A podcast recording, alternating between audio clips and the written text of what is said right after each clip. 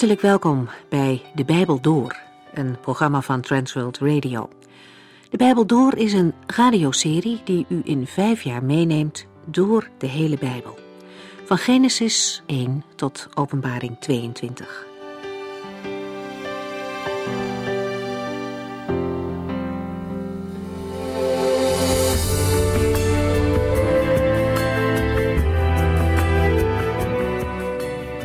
Deze 226e aflevering van de serie De Bijbel Door begint bij nummer 24, vers 15. Nog even terugkijken. De koning van Moab was bang geworden.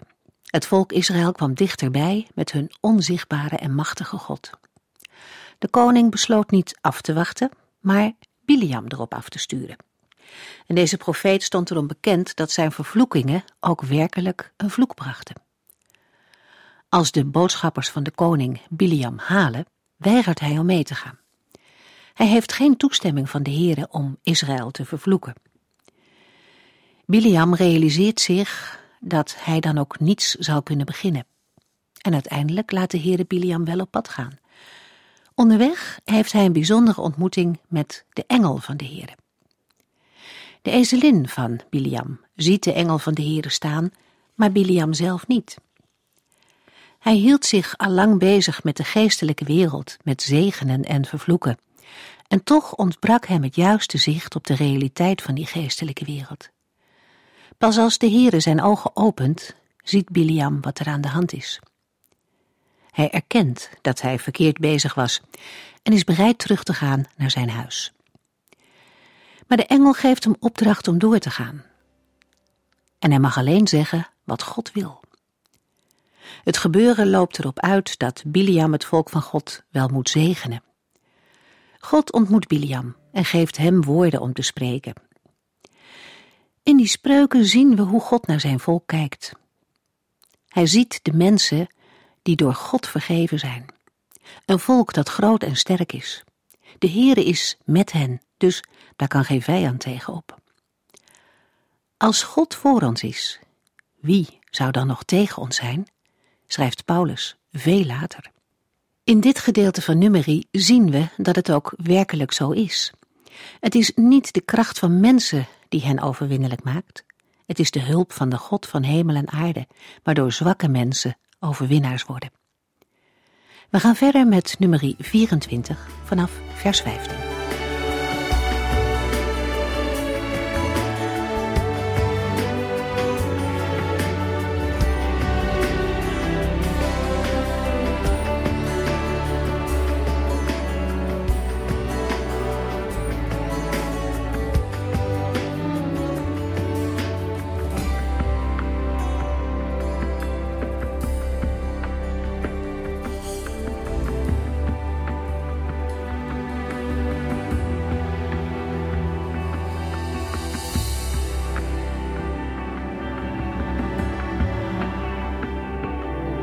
In de vorige uitzending hebben we gelezen en gezien dat de pogingen van Biliam om in opdracht van koning Balak van Moab de Israëlieten te vervloeken, is mislukt. In nummer 24, vers 10 tot en met 14 lazen we de reactie van Balak. Na de laatste zegenspreuk van Biliam is Balak woedend en slaat als teken van verachting en spot zijn handen in één omdat Biliam volgens hem ongeschikt is en volledig ongepast handelt. Voor Balak is daarmee de maat vol. Verdwijn, ga terug naar uw woonplaats, bijt hij Biliam toe. En vervolgens ironisch: Ik had u rijk willen belonen, maar de Heere heeft u het loon niet gegund. Het zijn de laatste woorden die we van Balak horen. Het antwoord van Biliam is vergelijkbaar met wat hij eerder ook tegen de gezanten had gezegd.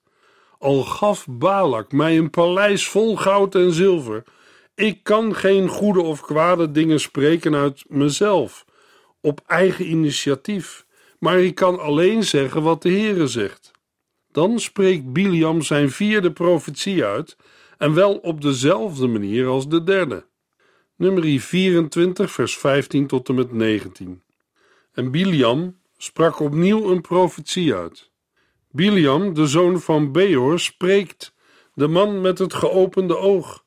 Hij hoort de woorden van God en kent de wetenschap van de Allerhoogste. Hij ziet wat de Almachtige hem heeft getoond. Hij viel voor hem neer en zijn ogen gingen open. Ik zie hem, maar niet nu. Ik kijk naar hem, maar niet van dichtbij. Er stijgt een ster op uit Jacob en een scepter rijst op uit Israël. Deze heerser van Israël zal Moabs grenzen vernielen en de kinderen van Seth vernietigen. Israël zal Edom en Seir veroveren. Hij zal zijn vijanden overwinnen. Hij zal met kracht opstaan en hij zal heersen vanuit Jacob en vele steden vernietigen. Een zeer opmerkelijke profetie, waarvan we de woorden nog steeds met kerst horen uitspreken en bezingen. Daarin zien we dat de toekomstige heerser of koning waar Biliam over spreekt, de Messias, Jezus Christus is. Er is vaak op David gewezen, die Moab en Edom aan zich onderwierp. 2 Samuel 8 en 1 Koningen 11. Toch was dat maar tijdelijk, want beide volkeren hebben hun onafhankelijkheid daarna weer herwonnen. Het bracht de profeten ertoe te spreken over een toekomstige overwinning op Moab en Edom. Het ligt daarom in de lijn van de verwachting om in deze godspraak van Biliam een verwijzing naar de toekomstige Messiaanse koning te zien. Hij zal deze machten definitief onderwerpen. Vanaf de eerste synagoge en de eerste christelijke gemeente heeft men de uiteindelijke rijkwijde van deze profetie op de Messias betrokken. Laten we er nog wat dieper over nadenken. Heeft u zich ooit afgevraagd hoe de wijzen uit het oosten wisten dat ze naar een ster moesten uitzien? Hoe verbonden zij een ster met een koning die ergens ver weg in Israël was geboren?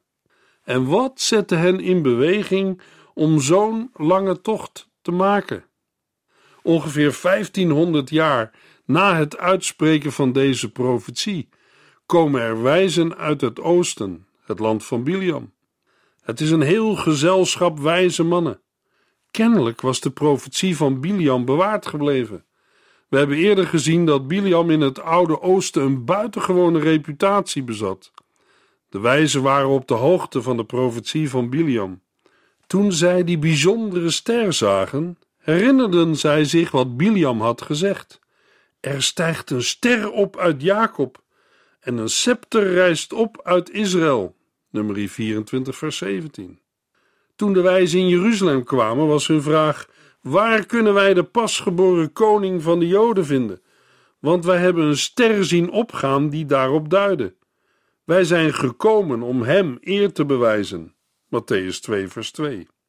Als we bij deze Bijbelplaatsen de profetie van Daniel voegen, en Daniel heeft ook in het oosten geprofeteerd, die ongeveer de tijd aangaf waarop de Messias zou komen, dan zien we dat de komst van de wijzen naar Jeruzalem heel begrijpelijk is.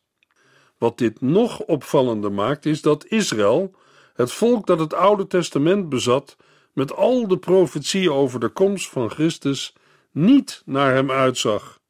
Met uitzondering van een heel kleine minderheid, zoals bijvoorbeeld Anna en Simeon. Toen het gezelschap wijzen, er waren er zeker meer dan drie, in Jeruzalem aankwamen, was de hele stad, inclusief koning Herodes, in rep en roer. Matthäus 2. Hun komst voegt een opwindende dimensie toe aan het kerstverhaal. En vandaag is het heel interessant om het kerstfeest in het licht van de profetie van Biliam te zien. Nummer 24, vers 20 tot en met 24.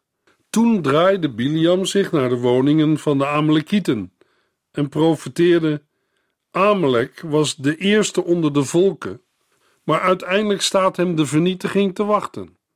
Toen wendde hij zich tot de Kenieten en zei: U hebt stevige woningen, uw huis is op de rotsen gebouwd, maar de Kenieten zullen worden vernietigd.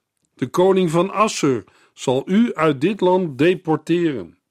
Biliam besloot zijn profetische woorden met: Och, wie zal blijven leven als God dit doet? Maar er zullen schepen van de kust van Cyprus komen en zij zullen Eber en Asser in het nauw brengen. Maar ook zij zullen ten onder gaan.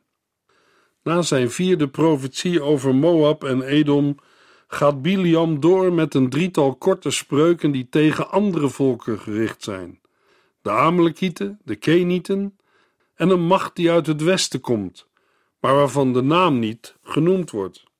Deze macht, mogelijk de Filistijnen, zal met haar schepen komen uit de richting waar ook de Kittiërs wonen, oorspronkelijk in Kitzion, een havenplaats op de oostelijke kust van Cyprus. In Jesaja 23 zijn Kittiërs de inwoners van Cyprus en nog later elke zeevarende natie uit het westen. Deze Kittiërs zullen Eber en Asser onderwerpen, maar vervolgens ook zelf te gronden gaan en definitief verdwijnen. Door wie zal deze laatste macht uit het westen onderworpen worden? Zoals we al eerder opmerkten, naar aanleiding van de ster uit Jacob, kreeg veel van wat we lazen in vers 15 tot en met 24 een gedeeltelijke of voorlopige vervulling in de tijd van David. Maar wacht de definitieve vervulling op de komst van de Messias. We mogen daarom aannemen dat deze laatste macht zal worden onderworpen door de Heere zelf en wel via zijn dienstknecht Israël of de Messias. De profetieën van Biliam hebben ook niet alleen betrekking op een enkele historische situatie. Alle volken die in hun optreden proberen Gods werk in en aan Israël te dwarsbomen of te vernietigen, zullen uiteindelijk zelf verdwijnen. En niet alleen deze, maar ook alle volken die beurtelings elkaar te gronden richten, alle vijanden van het werk van de Heere, alle belagers van recht, gerechtigheid en welzijn, zullen op den duur van het aardse toneel verdwijnen. De komst van Gods koninkrijk en de vervulling van zijn beloften voor Israël en de wereld zullen werkelijkheid worden met de komst van de Messias, de ster uit Jacob. Dan zullen alle volken zich voor hem neerbuigen. Zo worden deze drie profetieën verbonden met de vierde profetie over de toekomst van Israël, vers 17 tot en met 19 en komt het totaal aantal godspraken van Biliam op het karakteristieke aantal van zeven. Nummer 24, vers 25. Na deze woorden keerden Biliam en Balak terug naar hun woonplaatsen. Vers 25 sluit de ontmoeting tussen Balak en Biliam, nummer 22 tot en met 24, af. Balak gaat zijn weegs en ook Biliam gaat naar zijn woonplaats waar hij verblijft. Er wordt in nummer 24 in het midden gelaten wat er van hem is geworden. Die leegte wordt later ingevuld. Nummer 31, vers 8 en 16. Biliam bracht later de Israëlieten ertoe te zondigen in en met Baal Peor en werd uiteindelijk door de Israëlieten gedood. Hiermee zijn we aan het einde gekomen van nummer 24. Met nummer 25 gaan we zien welke satanische tactieken Biliam gebruikte om het volk Israël ten val te brengen. We hebben het al eerder gelezen in Openbaringen 2 vers 14. Biliam vertelde koning Balak immers hoe hij de Israëlieten ten val kon brengen door hen vlees te laten eten dat aan de afgoden geofferd was en door hen ontucht te laten plegen. Toen Biliam ontdekte dat hij Israël niet kon vervloeken, heeft hij Balak geadviseerd hoe hij de Israëlieten ten val kon brengen. Nummer 25 staat tussen het optreden van Biliam en de tweede volkstelling in. Israël laat zich door de Moabieten en Midianieten verleiden tot afgoderij met Baal Peor. In nummer 31 vers 16 lezen we dat zij daartoe door Biliam zijn aangezet. Een soortgelijke situatie is al eerder voorgekomen bij de wetgeving op de Sinaï en het gouden kalf. Exodus 20 tot en met 32. Een deel van het volk behoort nog tot de generatie die, vanwege haar ontrouw, veroordeeld is om in de woestijn te sterven. Nummer 14. In nummer 26 vindt een nieuwe telling plaats, omdat de oude generatie gestorven is. Nummer 25 vermeldt een plaag waardoor de laatste in leven zijnde personen van de oude generatie gestorven zijn. Nummer 25, vers 1 tot en met 3. Terwijl Israël in Sittim verbleef, pleegden velen van het volk ontucht met de Moabitische meisjes. De meisjes nodigden de Israëlieten uit bij de offerceremonies voor hun afgoden. Ze aten van de offers en bogen zich neer voor de Moabitische afgoden. Na korte tijd deed het hele volk mee aan de verering van Baal Peor, de afgod van de Moabieten. Toen werd de Heere toornig op zijn volk. Het volk Israël bevindt zich ten oosten van de Jordaan, ter hoogte van Jericho, waar ze in nummer 22 al waren aangekomen. De plaats heet Sittim, acaciabomen. Hier beginnen mannen uit Israël zich in te laten met Moabitische vrouwen. Het is niet duidelijk of hier sprake is van overspel en hoerij, of van het aangaan van door de wet verboden huwelijken met heidense vrouwen, die leiden tot geestelijk overspel, tot afgodendienst. In ieder geval wordt in vers 2 de afgodendienst uitdrukkelijk genoemd. De Moabitische vrouwen halen de Israëlitische mannen over om deel te nemen aan de offermaaltijden van Baal Peor en hem te aanbidden. De Israëlieten gaan zelfs zo ver dat zij zich verbinden met een afgod, Baal Peor. Deze overtreding van het eerste gebod, Exodus 20, maakt dat de toorn van de Heere tegen Israël ontbrandt. Nummer 25, vers 4 en 5. Hij gaf Mozes het bevel: Stel alle stamleiders terecht, hang hen op in de blakende zon voor de ogen van de Heere, zodat zijn vreselijke toorn van het volk wordt afgewend. En Mozes gaf de rechters de opdracht allen die Baal hadden aanbeden op te hangen. De toorn van de Heere uitzicht in een plaag die Israël treft en die zoals later blijkt duizenden doden zal maken. Vers 8 en 9. De Heere zegt tegen Mozes hoe zijn toorn afgewend kan worden. Hij moet alle stamleiders die verantwoordelijk zijn voor de daden van hun families in het openbaar terechtstellen. Als dit wordt gedaan voor de ogen van de Heere, dan zal zijn vreselijke toorn worden afgewend. Ik kan mij voorstellen dat iemand reageert met: Dit gaat wel erg ver. En daar heeft u gelijk in. Maar moet het daarom achterwege blijven? Nee, dat kan niet. De Heere zou zijn eigen woord breken en dat doet hij niet.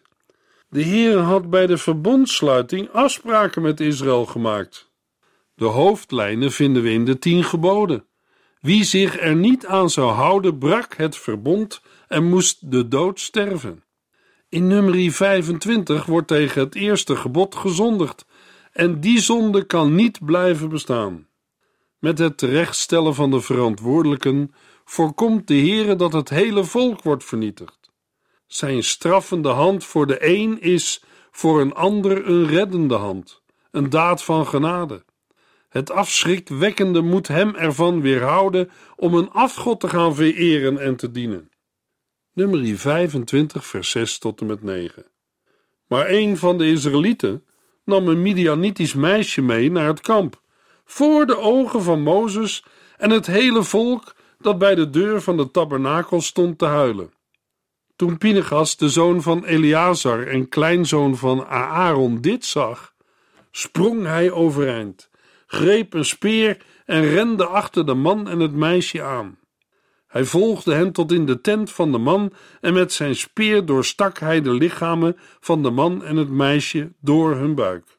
Zo werd de straf tot staan gebracht, maar pas nadat 24.000 mensen waren gestorven.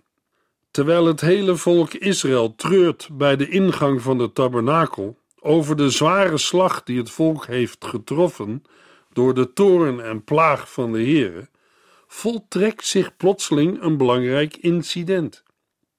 Mozes en het volk zijn er getuigen van dat een Israëliet een Midianitische vrouw bij zijn familie brengt. Het geeft aan dat hij haar als vrouw wil nemen en dit nu aan zijn familie wil voorleggen. Wanneer de priester Pinegas deze overduidelijke en openbare zonde ziet, pakt hij een speer en steekt hen beiden in de onderbuik. Op dat moment stopt de plaag die onder de Israëlieten woedt. Inmiddels zijn er al duizenden doden gevallen. In 1 Corinthians 10, vers 8 wordt door de apostel Paulus aan de hier beschreven gebeurtenis gerefereerd. Laten wij ook geen ontucht plegen, zoals sommige van hen, want daardoor stierven er op één dag 23.000 van hen. Hoe Paulus op 23.000 komt in plaats van 24.000 is onduidelijk. Tegen de gemeente van Pergamum zei de Heer Jezus: Maar er zijn enkele dingen die ik tegen u heb. U laat de volgelingen van Biliam onder u hun gang gaan. Openbaring 2, vers 14. De leer van Biliam is de vereniging van de wereld en de kerk. Opstand tegen de Heere begint vaak met het ruimer opvatten van Gods regels en wetten. Maar dan vergeten we dat de Heere zijn regels en wetten gaf ter bescherming, opdat het u wel ga in het land dat de Heer u geven zal om te wonen. Geen ongelijk span met een ongelovige, zegt de Heere. En wij, wat zeggen wij? Maar een van de Israëlieten nam een Midianitisch meisje mee naar het kamp, voor de ogen van Mozes en het hele volk. Waarom kan een mens niet gewoon luisteren en gehoorzamen aan het woord van God? De Israëlieten aten onrein vlees gewijd aan de afgoden. En wij, waarmee verontreinigen mensen zich vandaag? De plaag van de zonde woedt in en door de wereld. Zult u aan die plaag sterven voor eeuwig? Of is die plaag voor u ook gestopt op het kruis van Golgotha, toen Christus riep: Het is volbracht? Weg met de leer van Biliam. Nummer 25, vers 10 tot en met 18. Toen zei de Heere tegen Mozes: Pinegas heeft mijn toorn van het volk afgewend, want hij was net zo kwaad als ik, waar het mijn eer betrof. Daarom heb ik de vernietiging van heel Israël die ik mij had voorgenomen, stopgezet. Voor alles wat hij heeft gedaan, zijn ijver voor mij en zijn verzoening voor het volk Israël, beloof ik dat hij en zijn nakomelingen voor altijd priester zullen zijn. De man die samen met het Midianitische meisje was gedood, heette Zimri. Hij was de zoon van Salu, een leider van de stam Simeon. Het meisje heette Kosbi. Ze was een dochter van Sur, een Midianitisch stamhoofd. Toen zei de Heere tegen Mozes: Vernietig de Midianieten, want ze zijn uw vijanden en hebben u met hun listen tot afgodenverering en zonde verleid, zoals het geval was met Cosby, die daarom werd gedood. Na de onverwachte maar moedige daad van Pinegas spreekt de Heer opnieuw tot Mozes. Vanwege zijn bemiddelende optreden moet Mozes nu namens de Heer een belofte voor Pinegas uitspreken. Voor alles wat hij heeft gedaan, beloof ik dat hij en zijn nakomelingen voor altijd priester zullen zijn.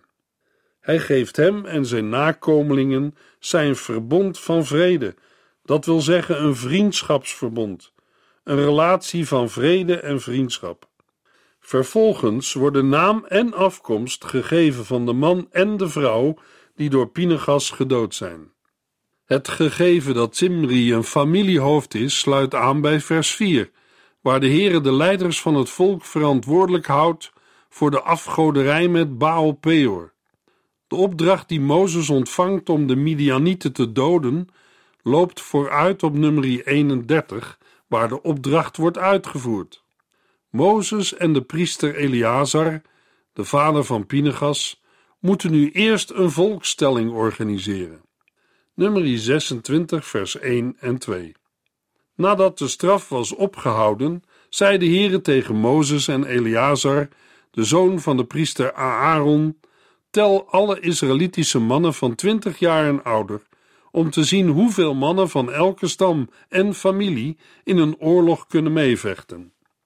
Voordat de Israëlieten de Sinaï verlieten op weg naar Canaan, was in een telling de omvang van het leger van Israël vastgesteld. Nummer 1. Als ook het aantal levieten. Nummer 3. Nu het volk veertig jaar in de woestijn gezworven heeft en is aangekomen in de velden van Moab, vindt een nieuwe telling van het leger en van de levieten plaats. Dat is nodig, omdat met uitzondering van Jozua en Caleb een heel nieuwe generatie is opgestaan. Met deze telling breekt dan ook een nieuwe periode aan. De oordeelstijd in de woestijn is voorbij. Vanaf nu is alles gericht op de inname van het beloofde land.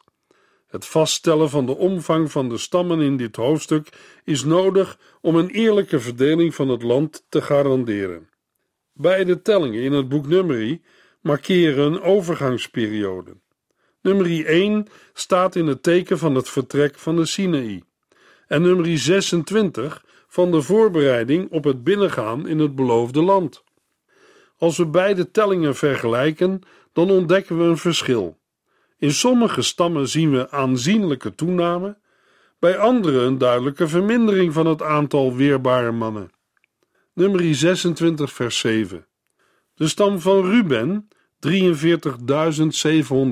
mannen. In nummer 1, vers 21 wordt bij de eerste telling, 40 jaar eerder, een aantal van 46.500 genoemd, een afname van 2770 mannen. In tegenstelling tot Ruben laat de stam dan een duidelijke toename zien. Nummer 26, vers 42 en 43. De stam van Dan 64.400 mannen. Deze stam omvatte slechts één familie, die van de Sugamieten, genoemd naar Sugam, de zoon van Dan. Bij de eerste telling werden er 62.700 mannen geteld. Nummer 1 vers 37. Met andere woorden, de stam van Dan groeide met 1700 mannen. In totaal waren er bij de tweede telling 1820 mannen minder. De oude generatie stierf in de woestijn, net zo als de Heer hen had gezegd. Nummer 26, vers 64 en 65. Onder dit aantal Israëlieten was er niet één die ook was geteld bij de vroegere telling in de Sinaï-woestijn. Want de mensen die in der tijd werden geteld, waren gestorven, zoals de Heere had bevolen, toen hij van hen zei: Zij zullen sterven in de woestijn. De enige uitzonderingen waren Caleb, de zoon van Jefunne, en Jozua, de zoon van Nun. Dit is een nieuwe generatie met uitzondering van Jozua en Caleb. We zullen deze twee interessante mensen beter leren kennen bij het lezen en bespreken van het Bijbelboek Jozua. In de volgende uitzending lezen we nummer 27 vers 1 tot en met 28 vers 2.